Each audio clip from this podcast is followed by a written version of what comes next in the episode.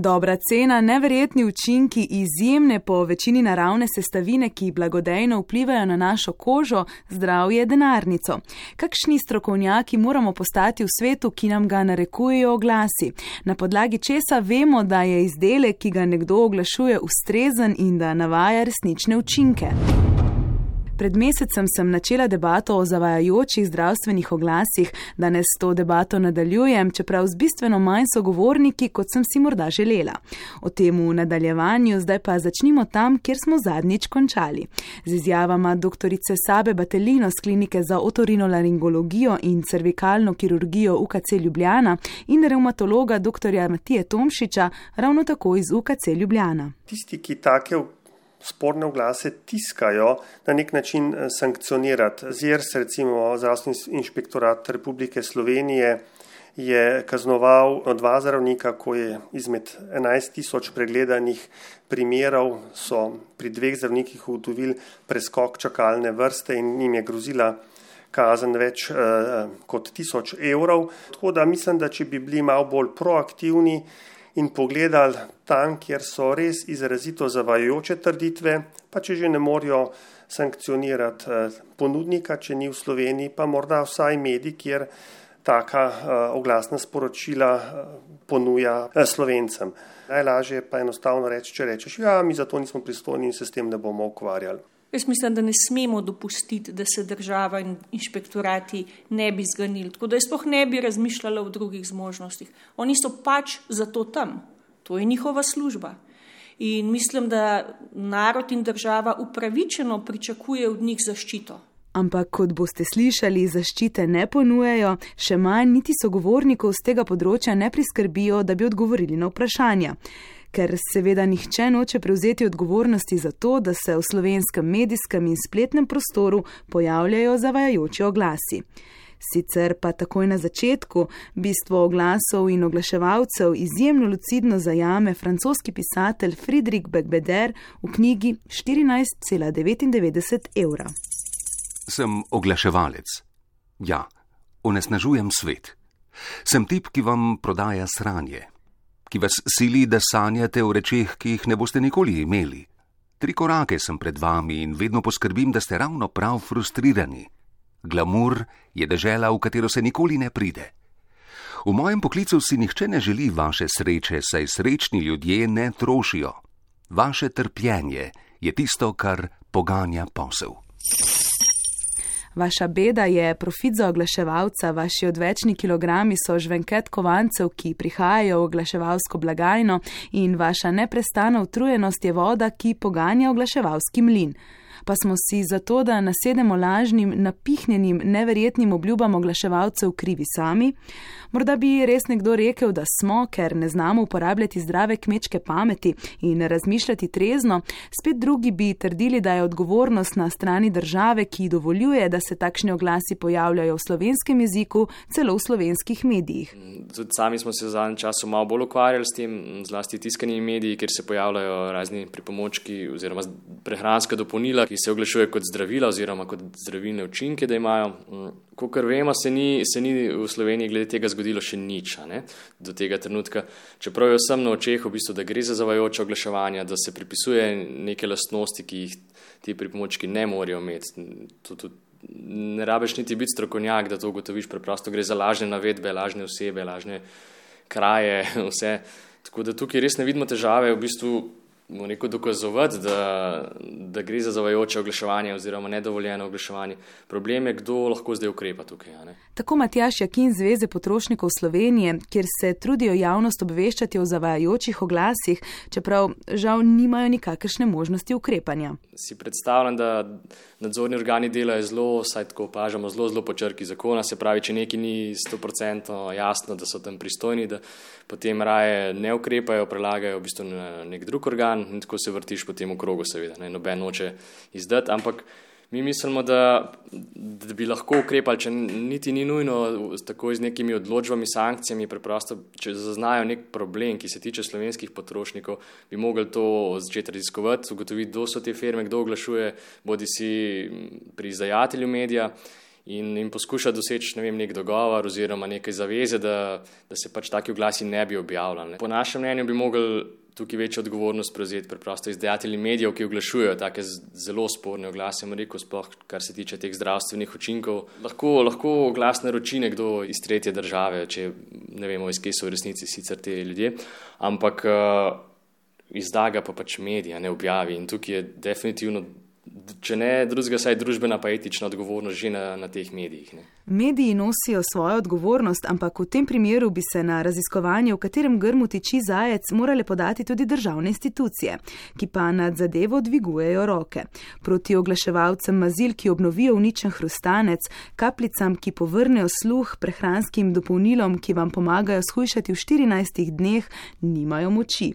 Zdravstvena inšpektorica zdravstvenega inšpektorata Andreja Mojškrc pove, da za izdelke, ki niso slovenski, nimajo pristojnosti. Dejstvo je, da je če dalje več ponudbe, očitno so tudi kupci naivni in temu nasedajo. Druge razlage pač nimamo. Ne? Se pa pogosto srečujemo z primeri, ko se določeni izdelki umaknejo ali odpokličajo Namreč eh, nekaj takih primerov je na podlagi eh, lastnih analiz eh, proizvajalcev ali pa uvoznikov, nekaj primerov na podlagi naših analiz, mi tudi vzamemo uradne vzorce, jih analiziramo in včasih se ugotovi, da je kakšen parameter presežen, recimo previsoka vsebnost težkih kovin In pa obravnavamo seveda tudi vsa obvestila, ki ga, jih prejmemo iz Evropskega sistema hitrega obveščanja. Tudi druge države članice izvajajo nadzor in ugotovijo nevarna živila in če so bila distribuirana v Slovenijo, se umaknejo in odpokličajo iz prometa. Na ravni Evropske unije potrošnike ščiti Belk, Evropska potrošniška organizacija. Tam se mi je oglasila direktorica oddelka za trajnost in varnost izdelkov Silvija Morer. Na področju trajnostnega gospodarstva urejajo zadeve, prav tako se trudijo na področju kozmetike in prehranskih dopolnil. Nekaj držav sicer nekoliko bolj sledi navodilom EU, pravi Silvija Morer. Uh, uh, Imeli smo kar nekaj primerov, ko so denimo države prepovedale prodajo kozmetičnih izdelkov. Švedska je večkrat ukrepala na tem področju, proizvajalec zavajajoče kreme proti gubam pa ni bil prisiljen samo preklicati proizvoda, ampak je moral tudi plačati kazen za zavajanje potrošnikov. Uveljavljanje nekih zakonov se dogaja, ne moremo pa reči, da je še na visoki ravni, ker lahko vidimo vsak dan se je veliko potrošnikov zavedenih. Kaj morajo države članice storiti, da bi se to število zmanjšalo? Well, I think first of all they need um, more staff and also financial resources. Državne institucije potrebujejo več zaposlenih in tudi večjo finančno podporo, da lahko upravljajo nadzor. Razviti morajo strategije, kako ustrezno uveljavljati predloge Evropske komisije. Tega zdaj v večini primerov ne počnejo. Treba je pritisniti na proizvajalce, da morajo dokazati dejanske učinke izdelka in da ti ustrezajo opisu ko kupujemo v Evropski uniji, naj bo to na spletu, v trgovini ali od nekoga zunaj matične države, nas ščiti evropsko pravo. To kaznuje proizvajalce, ki uporabljajo zavajajoče prakse in sicer, da navajajo varljive informacije o izdelku ali izpustijo kakšno pomembno informacijo. Čeprav se na evropski ravni očitno nekaj dogaja, pa pri nas ni večjega učinka.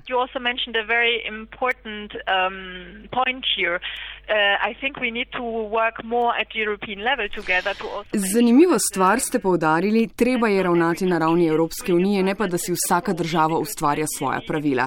Idealno bi bilo, da bi, če je oglaševalec iz neke tretje države, ukrepali skupaj. Samo tako lahko pritiskamo na državo, iz katere prihaja izdelek, naj kaj uredi.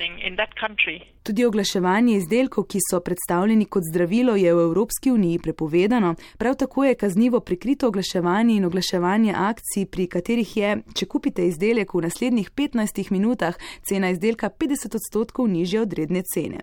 Skratka, na papirju se zdi, da vse deluje.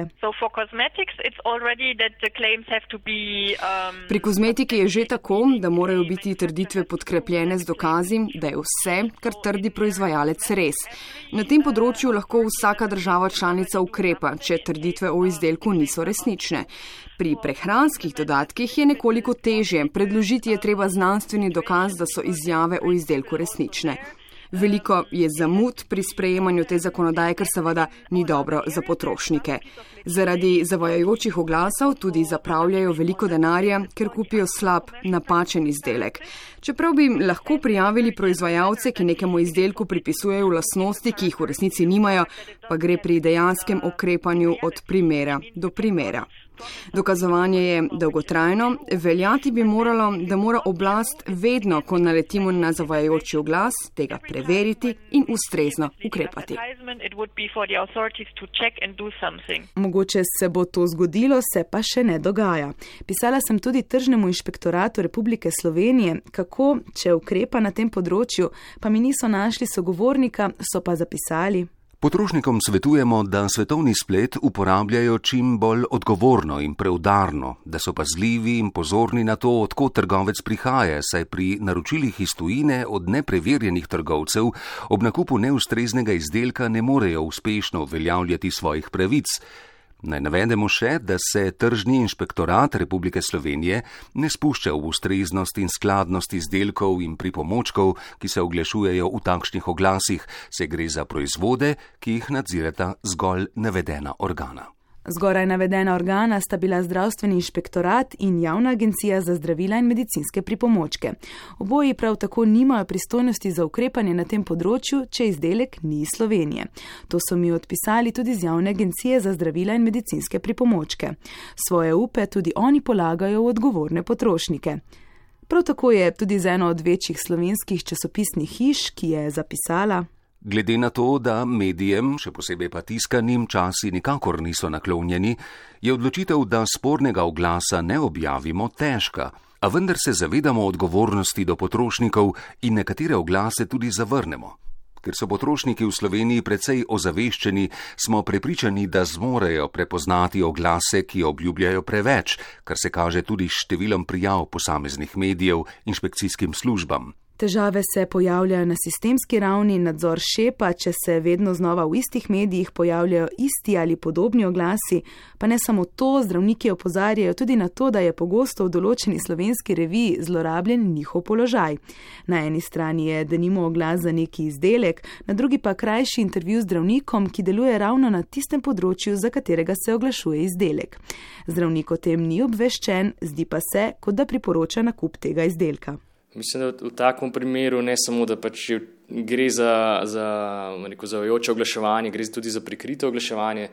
Lahko, ne, seveda, zdaj mogo videti konkretni primer, ampak če, če je nekaj umeščeno v, v mediju, rekel na, na način, da, da izpade, kot da to ni oglas, oziroma da ljudje ni, niso pozorni, um, da to povežejo z nekimi resničnimi ja, izjavami zdravnikov, gre vsekakor za nedovoljeno oglaševanje. Tukaj mislim, da bi pa lahko ukrepali, um, ker ne gre več za naročnika oglasa, ampak gre v bistvu za, za izdajatelja medijev, na kakšen način on te oglase potem predstavi.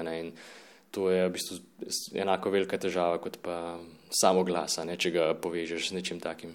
Potrošnik pa težko ostane razsoden in odgovoren, sploh če lahko prebere mnenje zdravnika. Poleg tega je v Sloveniji težava, da imamo v zdravstvu dolge čakalne dobe, tudi zato potrošniki kupujejo številne revolucionarne izdelke, pravi doktorica Saba Batelino. Na eni strani se čakalna doba daljša. Po drugi strani pa ljudje želijo čim manj naporne rešitve za svoje probleme in se žal poslužujejo stvari, ki ne samo, da jim ne pomagajo, ampak lahko jim neposredno škodujejo. Kje je morda zgrešil zdravstveni sistem, da so čakalne dobe tako dolge, da potem ljudje posegajo po takšnih preparatih? Vam res svetujem, da odkorakate na Ministrstvo za zdravje, ni mi vse jasno, ne. Nam pa ne, ker vedno več delamo in čakalne dobe se vedno daljšajo. Ali jim je vse jasno, nisem izvedela, saj mi v dopisovanju po spletu niso želeli najti sogovornika. Prilepili so mi le členi zakona o oglaševanju zdravil in sicer 75a, ki ureja oglaševanje zdravstvene dejavnosti, kar pa ni naš primer. Niso problem zdravstveni delavci, ti namreč opozarjajo na zavajajoče oglase, ampak proizvajalci izdelkov in oglaševalci. Vendar z ministrstva niso pokazali zanimanja, da bi našli sogovornika, zato sem na tej točki debato tudi končala končala. Čakalne dobe, zvezane roke, nepristojnost in na vse zadnje tudi zatiskanje oči so krivi, da našo pozornost in denar kradejo številni zavajajoči oglasi. Pogosto zato, ker nam velevajo, da nam nekaj manjka in bomo s tistim izdelkom zapolnili to pomanjkanje. Čeprav se številni niso odzvali povabilu na pogovor, verjamem, da tega niso storili ravno zaradi zavedanja, da nekaj na tem področju ni urejeno in se zato niso želeli izpostavljati. Ne vem, ali je za nereševanje zadev na tem področju krivo pomanjkanje kadra, denarja ali pristojnosti, vsekakor pa mislim, da se institucije ne bi smele skrivati za uradnimi odgovori, ampak bi morale iskati rešitve in če jih še niso našle, nam to vsaj sporočiti. Morda bo treba še malo počakati, da se stvari na tem področju postavijo na svoje mesto. Matjaš Jakin z Zveze potrošnikov Slovenije pa točno ve, kako bi se dalo to učinkovito storiti. Dej, prvi način um, bi mogel biti nek dogovor oziroma zaveza medijev, da tega pač ne bodo počeli več. Če to ne gre, um, ostaneta dve opcije ali poiskati pravno podlago, kako, kako zakonsko prepovedati izdajateljem objavljanja takih oglasov. Um, tretji, bolj, bom rekel, manj verjeten način je pa, da bi res poiskali, kdo so ta podjetja in ukrepali proti njim, ampak mislim, da tukaj to se ne bo zgodilo, saj glede na to, kako so do sedaj uh, reagirali nadzorni organi. Tako da eno izmed prvih dveh načinov mislim, da je bolj. Zdaj, če ne bi bila realna, potem verjetno niti ne bi poskušala, če ne bi verjeli, da, da se da tukaj poiskati neko rešitev. Tako da ja, v vsakem primeru bomo pa saj ozaveščali ljudi še naprej, da naj ne kupujejo no, preprosto takih stvari, ker so nevarne, ker so ne delujejo in da niti se ne ve, kdo stoji za njimi.